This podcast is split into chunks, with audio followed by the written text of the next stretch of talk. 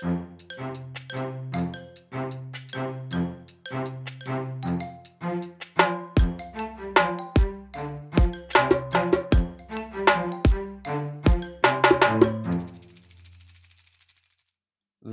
välkomna tillbaka till Stacken. Jag, Daniel Gustafsson och Kim Hindart. Hubba! Vi ska ju snart gå på lite sommarlov och lite semester och det ser vi nog alla fram emot och förhoppningsvis så får vi fantastiskt väder. Ni får gott om tid med tanke på att man inte kan resa någonstans direkt i sommar och vilken semester ni än hade planerat så kan vi nu vara överens om att den kommer nog inte riktigt bli som vi hade trott. Jag kommer personligen spendera majoriteten av min semester på Playa del Altan, det vill säga hemma hos mig själv och eh, min, med min familj. Och då kanske man får tid över, så vi tänkte faktiskt göra idag ett program om ett boktips där vi eh, tänkte lägga lite förslag på bra böcker att läsa i sommaren när ni ligger i hammocken och förhoppningsvis har det väldigt trevligt. Eh, vi läser ju naturligtvis massa material, böcker, får inspiration till de här avsnitten när vi sitter och pratar och inte bara white papers och dokumentation, för det är ganska trist. Vi läser även vanliga traditionella böcker eller om man så vill lyssna på en ljudbok. Eh, för att få lite inspiration till dels vårt eget arbete, vad vi gör och till den, till den här podden och hitta på bra material att prata om som ni kan lyssna på. Så Kim Hindart, jag tänkte att du skulle få börja. Du hade två, tre stycken förslag där som du ville eh, ta upp. Ja, och eftersom vi ändå är i IT-branschen så vill jag uppmuntra alla som inte har läst den att läsa en bok av Gene Kim. Och det är inte bara för att han heter Kim, även om det är en stor plus. Absolut, det var en jättebonus. Ja. Så eh, Gene Kim har skrivit en bok som heter The Phoenix Project. Och för alla IT-verksamhet så är det faktiskt en skönlitterär bok som handlar om IT-produktion. Och innan alla så här bara kräks, fy fan vad tråkigt.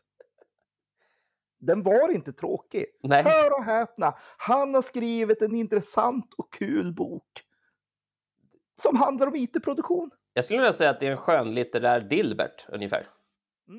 Om jag ska vara helt uppriktig. Men när du la fram det till mig så tänkte jag så här, vad är det här för någonting? Ska jag verkligen sitta och lyssna eller läsa om en IT-produktion, gruppmöten, line alltså, det, lät, det lät inte kul. Men så börjar man lyssna på den där. Jag gjorde det i ljudbok då, för jag har inte tålamod för att läsa, läsa en bok, men jag, jag tog ljudboken och lyssnade på. Och igenkännelsefaktorn är 100 procent. Och framförallt han skriver boken, förklarar boken på ett väldigt roligt sätt, men också ett väldigt igenkännande sätt som gör att den blir intressant att lyssna på. Så att, ja, han, så men för... övergripande, vad handlar den om? Ja, det handlar då om just ett, eh, ett misslyckat IT-projekt av att höra öppna och just verksamheten och problemen och svårigheterna att få igång någonting mm. i en IT-produktion. Men just också den interna kampen och diskussionen om hur fundamental det är för överlevnaden för verksamheter idag att gå framåt. Just med att IT-produktion blir en väldigt, väldigt väsentlig del av produktionen. Och så dras det just mycket paralleller till då att IT-produktion är inte en fristående del, utan en IT-produktion kan precis som med vilken annan industriell produktion, tillverkande produktion som helst, bli lean och bli agil. Det går. Och det är en väldigt intressant aspekt och det är en väldigt intressant bild. Och för oss som ändå så att säga jobbar i den verksamheten som bygger mycket en bra förutsättning för det här så är boken en väldigt bra illustration och en idé om hur man skulle kunna ta sig vidare och bli framgångsrik.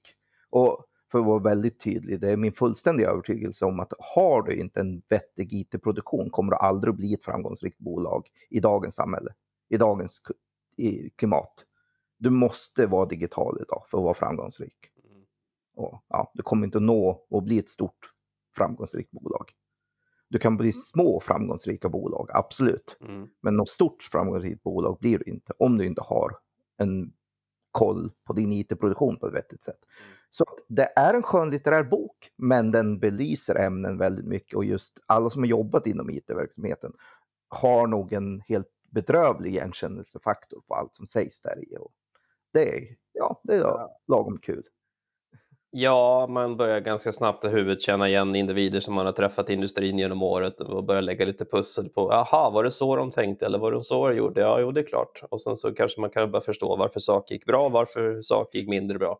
Eh, om ni sitter och funderar på det här med DevOps och just som du säger, lean, agil IT-leverans. Det är en jättebra bok att ha läst eller lyssnat på först innan ni drar igång ett sådant projekt, för de belyser väldigt mycket saker som kan gå attans fel om man inte tänker på det. Eh, och förmodligen är en av orsakerna till varför många DevOps-projekt eller agila projekt inte blir särskilt DevOpsiga eller agila. Eh, det var inte fel på produkten, det kanske var hur vi jobbade som var grundorsaken till att vi inte kom i mål. Eh, men The Phoenix Project, jag håller med, riktigt, riktigt bra eh, IT-bok. Skönlitterär IT-bok, har ni hört? Och då är det så, för att vara lite så här, samma ämne, så nästa bok jag vill rekommendera är en exakt, exakt uppdatering av Phoenix Project. Nu såklart är vi IT-industrin, så mm. kommer alltid updates. Ja. Så att, eh, det finns en version 2 av Phoenix Project. 2.0 kom. ja, och det heter Unicorn Project. Och det handlar egentligen i grund och hela grundläggande storylinen är identisk. Men The Unicorn Project har uppdaterats lite grann eftersom The Phoenix Project är ändå några år på nacken nu. Mm. Och vet du vad, hör och häpna, det har hänt en hel del i IT-världen. Ja, det har det. Så att The Unicorn Project har uppdaterats till nyare standarder. Så, men det är mitt tips och min rekommendation att ni alla bör läsa dem och ni alla bör, vad heter det, tvinga era managers att läsa dem också. Mm. Eh, och då kan man vara lite taktisk här, därför att The Unicorn Project har en kvinnlig huvudperson. Mm. Och The Phoenix Project har en manlig huvudperson. Yes. Så lite tips här till lite äldre eh, chefer att det ena kanske resonerar bättre med de andra. Så mm. det är också ett tips. Så man kan välja här, så det är lite nice. Och de som är lite mer IT-trendiga och lite yngre kanske och mer inne på just IT-verktygen som finns idag kommer att gilla The, Uni eh, The Unicorn Project bättre än The Phoenix Project. För där nämns saker som Git och ja. Ja, den är lite mer up to date om man säger så. Så den är lite mer, ja. ja. Vi pratar om moderna, lite modernare system och tankar kanske. Men ja. jag, jag, skulle nästan förespråka, jag vet inte vad du tycker, du, där kan vi ha en diskussion om, men jag tycker man ska lyssna på dem i den ordningen också. Phoenix Project först och sen Unicorn Project om jag ska ta upp riktigt. För jag tycker att det ja. finns en poäng att lyssna på just grundboken och sen utvecklingen, vad hände?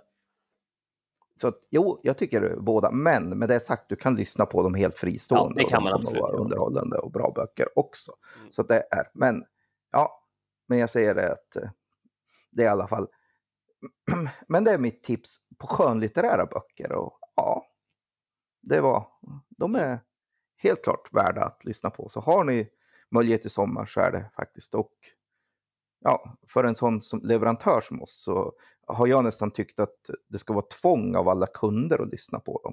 Så de förstår när de gråter om problem hos oss att nej, det är inte här problemet ligger kanske. Men, inte alltid ja, i alla fall. Den, det kan göra, men inte alltid. Inte alltid. Nej. Absolut, nej, nej, vi är långt ifrån perfekta, men många problem ibland ligger ändå inte där, utan det ja. Mm. Nej, den, den, den, de två böckerna lyfter eh, väldigt relevanta frågeställningar inom just IT-verksamhet, IT-leverans och hur vi kanske ser på våra egna roller, vår egen relevans, vad vi gör och vad vi tillför och framförallt vem är den kreativa i rummet? Eh, det är en bra frågeställning ni kan ta med er när ni sitter och lyssnar på dem. Hade du fler eller var, var, det, var det bra så? Yes. Ja. Nej, jag har en till sen ja. också då, så att säga. Ja. Och det är en bok av Brené Brown. Mm. Och för er som inte känner igen Brené Brown då så att säga, så är hon forskare på mänskligt beteende. Yes. Hon är till och med professor nu, för, eh, vad heter det, eh, i eh, Texas. Så hon är ganska känd forskare just i mänskligt beteende. har skrivit flera böcker, har till exempel bra TED-talks, så vi länkar till hennes TED-talk mm. nere också. Då. Men äh, den är i alla fall, hon är, hon är i mitt tycke en väldigt, väldigt bra eh, individ att lyssna på angående just det här med mänskligt beteende och ledarskap. Ja. ja. Hon har väldigt insightful saker i just det här med mänskligt beteende. Och då har hon en bok nu, en ganska ny bok som heter Dare to Lead. Mm. Och det handlar om just hur man lyckas i sitt ledarskap och behovet av att ha ett, våga vara sårbar som mm. ledare. Mm. Mm. Och det här är en väldigt, väldigt bra bok som ger, ja, igenkänningsfaktorn kan bli ganska stor där också. Mm. Och då menar jag att det är inte bara för de som vill leda, absolut Nej. inte. Alla som har en chef, ja, det är nog de flesta av oss, mm. bör läsa den för den pratar väldigt mycket om också vad man kan ha för förväntan, hur man blir ledd. Just det. Så den är väldigt nyttig i alla lägen att läsa. Så det är en stor rekommendation om Dare to Lead av Brené Brown. Mm. Som är ja, väldigt bra om det här med ledarskap och våga vara sårbar i ledarskapet. Mm. Så ja, du har läst den. Vad säger du om? ja, men jag håller med. Eh, alltså, framförallt det som är intressant det hon tar upp är just konceptet av att inte bara, inte bara leda någon annan utan just vad förväntan är, att vara tydlig med att berätta vad jag behöver av min närmsta chef, ledare eller den som är ansvarig för, för vår leverans eller den grupp vi jobbar i eller det scenario jag befinner mig i absolut majoritet av min tid på jobbet. För att det, lite generellt är det så att ledare gärna kliver in och säger det här är jag, så här gör jag och ni får bara anpassa mig till vad jag tycker och så börjar vi skapa friktioner i grupper. Och vi är för dåliga på att inte bara ställa frågan som ledare, hur vill ni bli ledd, utan vi är också för dåliga att vara gruppmedlemmar, att påpeka för vår, för vår ledare. Och det, kan, det är klart att det kan vara svårt och lite jobbigt ibland, det kan lite ont, man kan vara lite ont i magen innan man, man öppnar munnen och säger det, men det är extremt nyttigt, för att om vi inte gör det så kommer vi få grupper som mår dåligt och den där arbetsplatsen börjar kännas eh, tråkig att vara på, jag trivs inte och man börjar skylla på massa andra saker som arbetsuppgifter och dåliga kaffeautomater och ja, dålig ergonomi när jag sitter i min stol och det är inte alls det som är problemet. Så att, jättebra och framförallt henne, hon är duktig på att förklara på ett väldigt enkelt sätt och sätta saker i perspektiv. Eh, så att varmt rekommenderad eh, att lyssna på den och framförallt också, eh, gå in och titta på hennes föreläsningar, inte bara TED-talk som gör andra föreläsningar också. Det finns massor på Youtube att hitta om man, om man är intresserad. Brené Brown, lyssna efter henne. Men absolut, strålande förslag. Mm. Jag har två stycken böcker som jag, eller eh, egentligen är det fyra böcker, men det är från två olika författare. Den första jag skulle vilja rekommendera, och nu lämnar vi IT-branschen och nu pratar vi människor. Och eh, nu har det ingenting med bransch att göra längre. Nu har det bara med människor och mänskliga behov att göra. Eh, den första boken jag skulle vilja rekommendera är en bok som heter Tillsammans om medkänsla och bekräftelse. Två stycken svenska författare, psykologer, eh, Anna Kover och Åsa Nilssonne som har skrivit. Eh, det är en bok som pratar om just mänskliga relationer och vad, är, vad, är, vad behöver vi för att en relation ska funka överhuvudtaget? Eh, det kan vara mellan mig och mina barn, det kan vara mellan mig och eh, min, mina egna föräldrar, det kan vara mellan mig och mina eh, kollegor på jobbet, människor som jag har nära runt om mig som jag vill ha en god relation med oberoende plats, tid och rum. Eh, en otroligt bra bok som lyfter alla relevanta aspekter på just hur funkar en relation och vad behöver jag tänka på? Eh, den har ingenting med it-branschen att göra, men jag rekommenderar alla som jobbar i it-branschen att lyssna på den, för den tillbaks till det här med jobbigt på arbetsplatser, trivs inte på jobbet. Eh, jag ska nästan slå fast att den absoluta majoriteten som tycker det är trist på jobbet har egentligen ingenting med arbetsuppgifter eller vad jag gör att göra. Kan vara så, men om det är det som är problemet, har du fel jobb. Byt, byt jobb om du inte trivs med det du gör. Men om du faktiskt trivs med det du gör, men du fortfarande inte trivs på din arbetsplats, då är det till absolut största sannolikhet relationerna med de människorna du har runt omkring dig som inte funkar. Eh, lyssna på den här, eh, ta den som ljudbok eller du kan beställa hem den och läsa den också. Vi kommer naturligtvis länka in alla de här eh, boktipsen i avsnittet så att ni kan hitta vart ni eventuellt köper eller får tag på dem någonstans. Men det är mitt första rekommendation. Och här kommer ju då den intressanta frågan i sammanhanget. Därför att de har ju gjort mycket studier på till exempel barn och relationen ja. föräldrar och barn. Just. Och då kan man säga, men vad då? Relationer vad jag har till min respektive eller till mina barn i min familj mm. har väl ingenting värd att veta hur jag har relation på jobbet. Eller vad säger du om det? eh, får jag säga skitsnack i den här podden? Ja, det får jag. Då säger jag skitsnack i den här podden, för nu, det är precis vad det är. Relationer är relationer, spelar ingen som helst roll om det är med mina kollegor eller med mina barn eller med min sambo eller min fru eller min man eller mina egna föräldrar eller kompisar. En relation är fortfarande en relation och baserar sig på exakt samma principer. Vi måste vara överens om våra spelregler. Vi måste vara överens om vad som är rätt och fel. Vi måste vara överens om vad våra gemensamma mål är med vår relation. Vi måste vara överens om att det vi faktiskt gör går hand i hand med vad vi själva tycker och vad vi själva, hur, vad som krävs för att jag ska må bra. Eh, hur jag uppfostrar mitt barn kan vara en direkt paritet och relation till hur jag faktiskt är exempelvis chef på min arbetsplats hur jag beter mig i min relation hemma kan vara en direkt eh, paritet i mitt beteende till hur jag beter mig med mina kollegor på min arbetsplats. Så att jo, det har med det att göra. Och låt oss bara här och nu aldrig någonsin säga igen att mitt jobb och mitt privatliv har ingenting med varandra att göra. Jo, det har det. 100 procent. För hur jag mår styrs av bägge och. Och mår jag dåligt på min arbetsplats så kommer jag ta hem den känslan hem och förmodligen spy alla över min familj som inte har bett om det.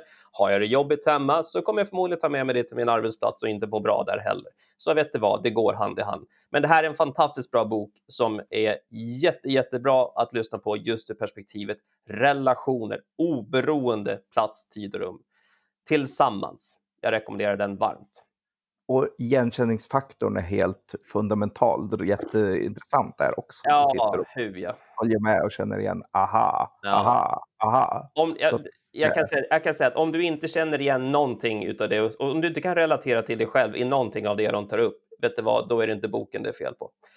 Eh, då kan, vi, då kan vi köra magelspegeltidning och titta med. Kan det vara dem? Nej, det, kan det vara ja? Nej, det måste vara dem. Ja, just det, precis. Nej, det, öppna upp dig själv, våga kritisera dig själv, våga göra reflektion av ditt eget beteende. Och det bästa av allt är att man kan sitta med hörlurar på ljudbok och ingen annan behöver höra. Så jag kan bara inombords göra reflektion. Jag behöver inte säga den rakt ut om jag inte törs.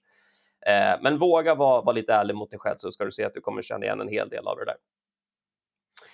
Och sen sista boktipset eh, som faktiskt är eh, tre böcker eh, är av en amerikansk sport psykolog och nu tar vi det till extrema höjder här. Nu pratar vi inte IT alls, utan nu pratar vi om idrott. En kille som heter Brett Ledbetter.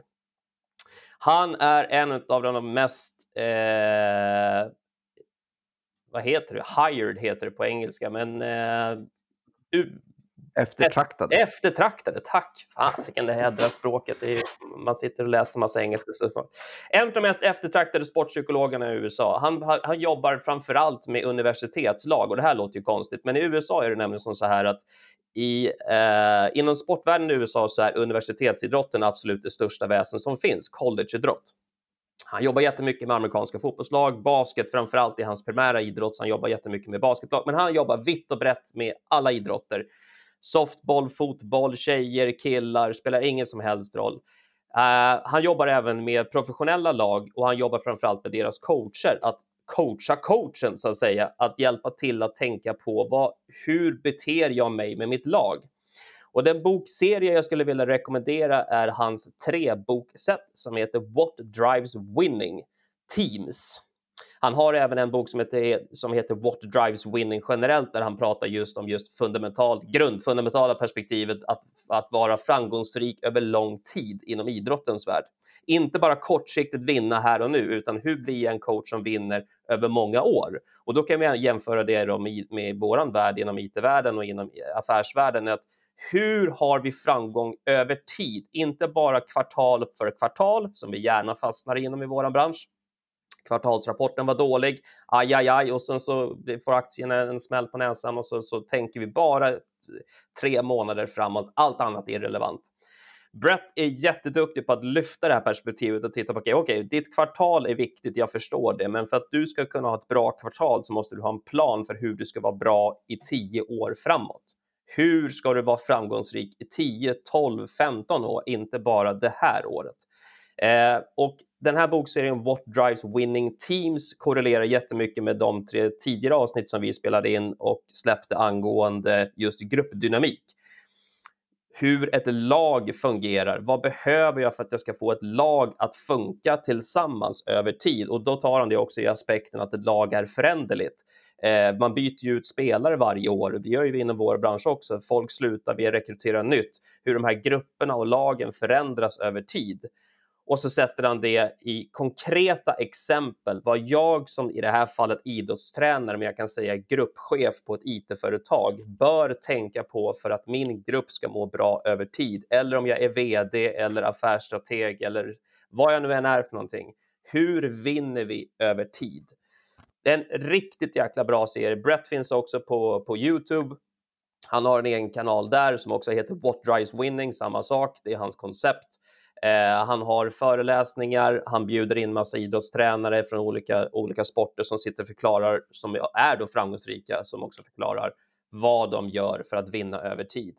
Eh, jag kan inte nog rekommendera den här serien. Det här är lite av min egna bibel som jag faller tillbaka på och eh, lyssnar på, och tittar och läser i ofta för att få just det här långsiktiga perspektivet. Det är så lätt att fastna i här och nu och det är så lätt att fastna i det här kvartalet och det är, nu gick det inte bra så du måste göra en radikal förändring. Okej, okay, gör den radikala förändringen.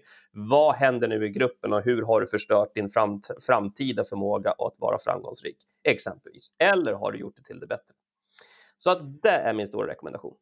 Ja, och ska vi ta tag tjuren i hornen med en gång och ta diskussionen nu med alla som totalt skriker han är en sportcoach. Mm. Hur kan det överhuvudtaget ha någon form av relevans i IT-världen? Ja, hur kan det ha det? Därför att det spelar ingen roll. Du är ju sportcoach. Om, om vi ska ta para, jag, bruk, jag, brukar, jag brukar få fördelen att prata med svenska idrottsledare också, så jag brukar säga till dem, hur många i det här rummet har betalt för att leda idrott? Och då är det ganska få som faktiskt har en lön för, för att leda idrott. Okej, okay, då har ni ett jobb, civilt jobb. Ja, jag har ett civilt jobb. Är ni chef på jobbet också? Ja, jag är chef på jobbet också. Aha så eh, kan ditt ledarskap på något sätt reflektera hur du beter dig inom idrottslaget och när du kommer till din arbetsplats. Och någonstans där så brukar det bli en sån här, eh, ja, vad menar du då? Ja, du, du, du är ju samma person, spelar ju ingen roll. Ditt beteende är exakt likadant, spelar ingen roll. Ledarskap är ledarskap. Jag, jag kan säga rakt ut, det här är inte för att vara kaxig, men jag, jag känner mig extremt komfortabel att ta en grupp med utvecklare, en grupp med säljare, en grupp med marknadsmänniskor och ett fotbollslag. Och säga, jag kan få de här lag, lagen, grupperingarna att bli framgångsrika som lag baserat på exakt samma fundament i taktik för hur jag gör laget framgångsrikt. Det har ingenting med vad de faktiskt praktiskt gör det är att få relationerna i gruppen att funka, att vara överens om vi har gemensamma mål, att vi har gemensamma spelregler, att vi jobbar tillsammans och att vi håller varandra ansvariga för det vi har sagt att vi ska göra.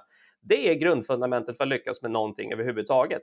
Eh, min familj, exakt samma, eh, samma sak samma grundfundament som, som att driva mitt, min grupp med utvecklare på jobbet gäller när jag kommer hem också. För vår familj måste också vara, min familj måste också vara överens om spelregler. Vad är rätt och fel? När kommer vi hem? När äter vi? Eh, vad, när gör vi läxor? Och, och, så vidare och så vidare. Om vi inte är överens om det så kommer det bli total anarki i min familj och, det kommer, och har, vi, är, har vi inte överens om spelreglerna i min grupp med utvecklare så kommer det bli total anarki där också. Vi kommer inte må bra i familjen om vi inte är överens. Vi kommer inte må bra i gruppen utvecklare om vi inte är överens. Så vet ni vad, det är samma sak. Samma sak, samma sak. Så ja, en sporttränare kan faktiskt vara ett fantastiskt fundament för en IT-chef att lyssna på och tvärtom, för att vara tydlig. Duktiga ledare inom affärsvärlden kan absolut gå in i en idrottsklubb, idrottslag.